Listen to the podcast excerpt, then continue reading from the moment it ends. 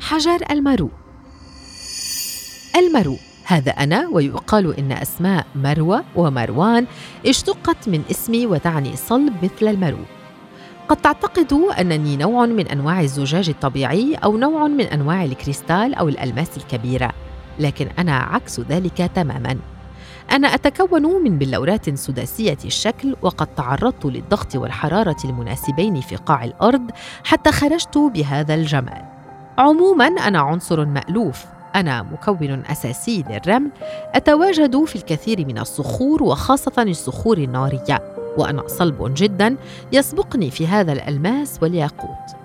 كمركب كيميائي أتكون من جزء واحد من السيليسيوم وجزئين من الأكسجين لأصبح ثاني أكسيد السيليسيوم كما أنني خامل كيميائيا لأنني لا أتفاعل مع أغلب المواد الأخرى. أملك بريقا مميزا. يجعلني أستعمل في صناعة الزجاج كما في صناعة الحلى لا سيما عندما تدخلني شائبة لدى تكويني وهو الحديد.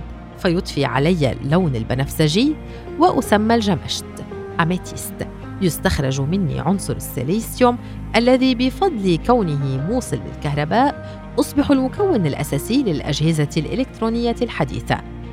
أستخدم في مواد البناء وأيضا لفوائد جمة في العديد من الأمور. من يرتديني يتمكن من الاسترخاء كما أنني أزيل الطاقة السلبية وأعزز الطاقة الإيجابية. لهذا اعد من أكثر المعادن المميزة إلى جانب انتشارها الواسع.